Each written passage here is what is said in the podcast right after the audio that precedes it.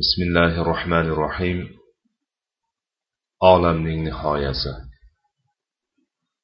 Vala havla vala quvvata illa billah. Odam bolasi qayerga ketdi? Baland baland tog'lar qani? Mevali daraxtlar qayerda? Bulardan hech narsa qolmadi. Jo'shqin dengizlarchi? Yondirilibdi. Qani? Qayerga ketdi? Uylariga nima bo'ldi? Qiyqirishib o'ynayotgan bolalar qani? Bu yerlarda biz guvoh bo'lgan hayot qani?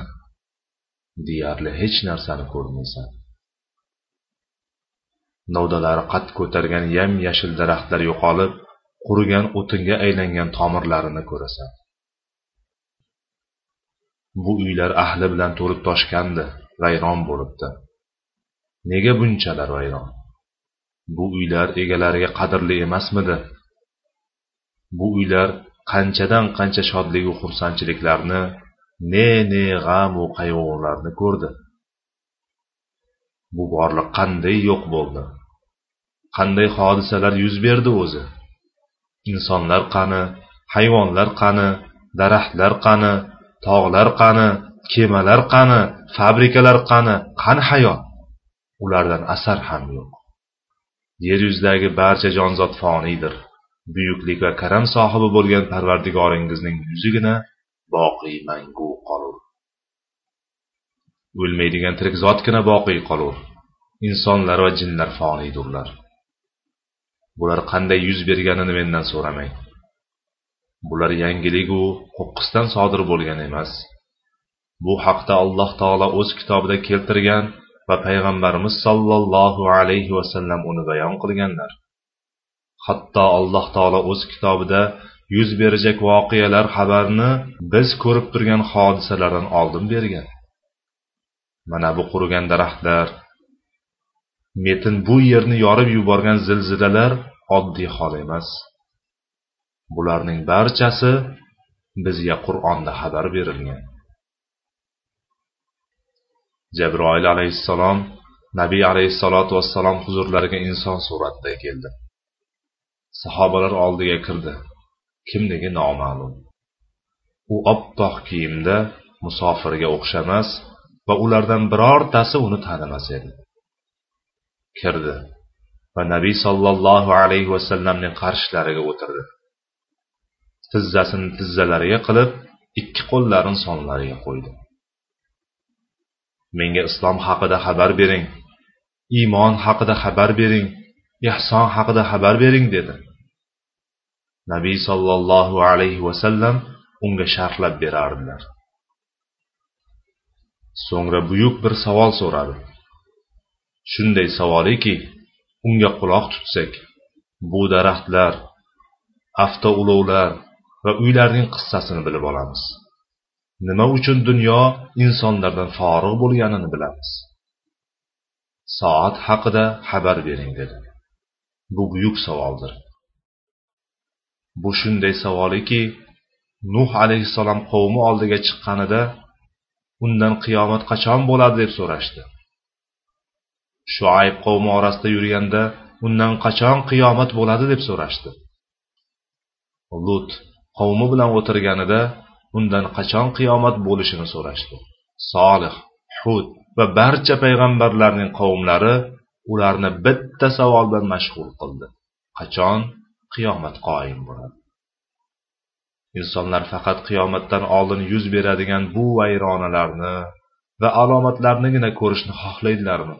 U kun uchun nima hozirlik qilganlarini nima hozirlik ko'rganlarini o'zlaridan so'ramasdan jabroil alayhissalom nabiy alayhissalotu vassalomdan qiyomat qachon? deb so'radi.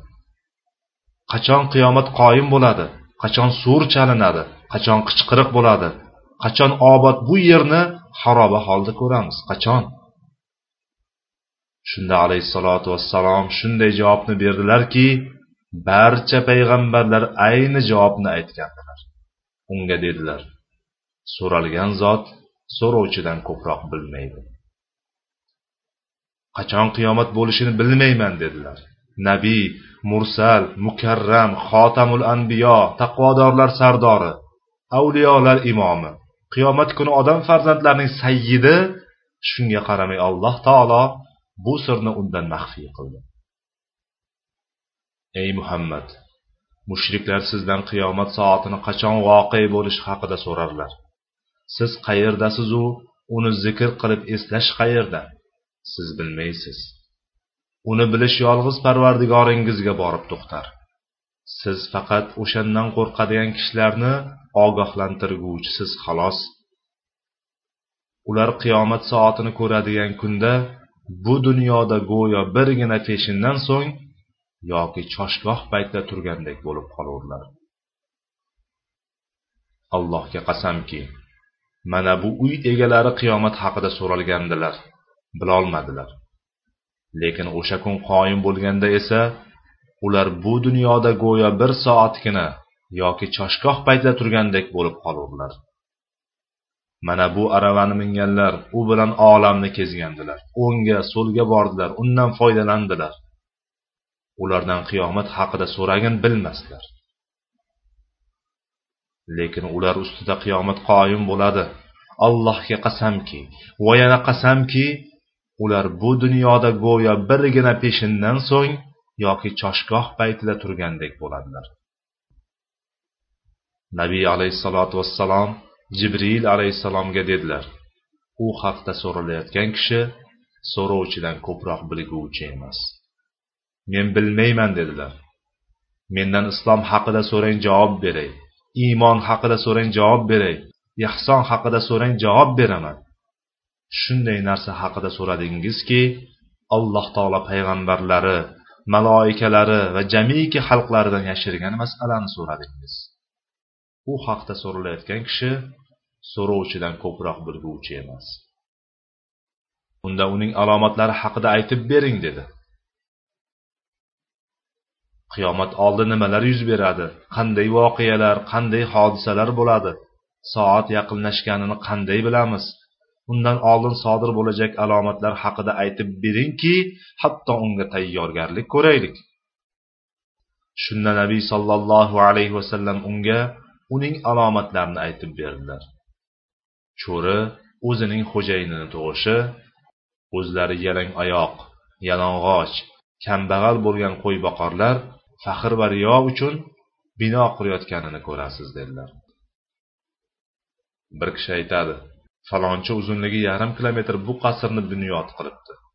Men uzunligi olti yuz metr bo'lgan boshqa bir qasr quraman deydi. Uchinchisi kelib men ulardan o'zaman. Men yana ellik metr balandrog'ini quraman deydi. So'ngra dunyo miqyosida musobaqa boshlanadi. Va boshqa bir davlatda undan ham uzunroq bino borligini topishadi. To'rtinchisi va beshinchisi keladi. Bino qurishda musobaqalashadilar. O'zlari yalang oyoq yalang'och kambag'al bo'lgan qo'yboqarlar faxr va riyo uchun bino qurayotganini ko'rasiz dedilar. Nabiy alayhissalotu vassalom qiyomat alomatlari haqida xabar berdilar. Ular qiyomat oldi sodir bo'ladi. Payg'ambar alayhissalotu vassalom qiyomat oldidan yetti narsani sanang mening o'limim dedilar. Alayhissalotu vassalom o'zlarining o'limlarini qiyomatning avvalgi belgilaridan ekanligini aytdilar. Payg'ambar qilib jo'natilishlari qiyomat alomatlaridan. Bozorlarda insonlarning ko'payishi va unda o'zaro raqobatlashishlari ham qiyomat alomatlaridan. Soatning alomatlari ko'p. Payg'ambarimiz sollallohu alayhi vasallam ularning xabarini berdilar. Va alloh taolo ulardan ba'zisini ochiq va ba'zisini unga ishora qilgan holatda bayon qildi. Parvardigoringizning ayrim oyatlari keladigan kunda esa agar iymon keltirmagan va iymonida yaxshilik kasb qilmagan biron jonga endi keltirgan iymoni foyda bermas. Payg'ambar alayhissalotu vassalom dedilarki uch narsa borki ular kelsa hech bir jonga oldin iymon keltirmagan bo'lsa iymoni naf bermaydi. Tutun dajjol va quyoshning kunbotardan chiqishi. Qalam va savodxonlikning yoyilishi qiyomat alomatlaridandir. Ayol eriga savdo sotiq ishlarida sherik bo'lishi soatning alomatidir. Bozorlarning ko'payishi qiyomat alomatlaridandir. Odamlar qo'lida mol davlatning ko'payishi qiyomat alomatlaridan. Musulmonlar bilan rum va musulmonlar bilan yahudlar o'rtasida urush sodir bo'lishi ham qiyomat alomatlaridan bir alomatdir. Kishi do'sti bilan aloqa bog'lab otasiga oq bo'lishi qiyomat alomatlaridan. Kishi ayoliga yaxshilik qilib onasiga oq bo'lishi qiyomat alomatlaridan. Odamlarning jamoat namozlariga e'tiborsizligi xushuning kamayishi qiyomat alomatlaridandir. Payg'ambar alayhissalotu vassalom haramdan chiqdilar va ba'zi ashoblariga shunday dedilar. Agar makka binolari uning tog'lariga tenglashsa bilginki bu ish juda yaqindir. Agar makka binolari uning tog'lariga tenglashsa bilginki bu ish ya'ni qiyomat juda yaqindir. Ya'ni yaqinligidan soyasi ustingga tushgan narsaday yaqinlashibdi. Qiyomat alomatlaridan kichiklari qiyomat bo'lishidan bir zamon oldin yuz beradi. Va ba'zi joyda bo'lib boshqasida bo'lmasligi mumkin. Bir qavm uni his qilib boshqalar his qilmasligi mumkin. Ba'zi joylarda bozorlar ko'payib bir biriga yaqinlashadi. Lekin boshqa o'rinda ular kam bo'lishi mumkin. Shuning uchun bir nafar yoki bir guruh odamlargina ularni his qilishi mumkin. Lekin ular qiyomat alomatlaridandir.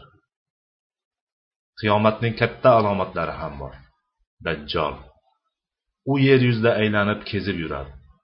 Barcha odamlar uni his qiladilar. Hammalari uni biladilar. Bu katta alomatdir. Masih iso ibn maryam alayhissalom qiyomatning katta alomatlaridan. U kelganida yer silkinadi va uning kelganini insonlar biladilar. U osmondan tushib keladi. Ikki qo'lini ikki farishtaning qanotiga qo'ygan holatda nozil bo'ladi. Egnida och sariq rang va za'faronga bo'yalgan ikki kiyimi bo'ladi. Xuddi uni ko'rib turgandekmi iso ibn maryam damashqning sharqiy tarafidagi oq minora oldiga tushadi. Bu kichik emas katta alomatki insonlar uni biladilar. U qiyomatning katta alomatlaridandir. Dobba yer jonivori uning qissasi nima?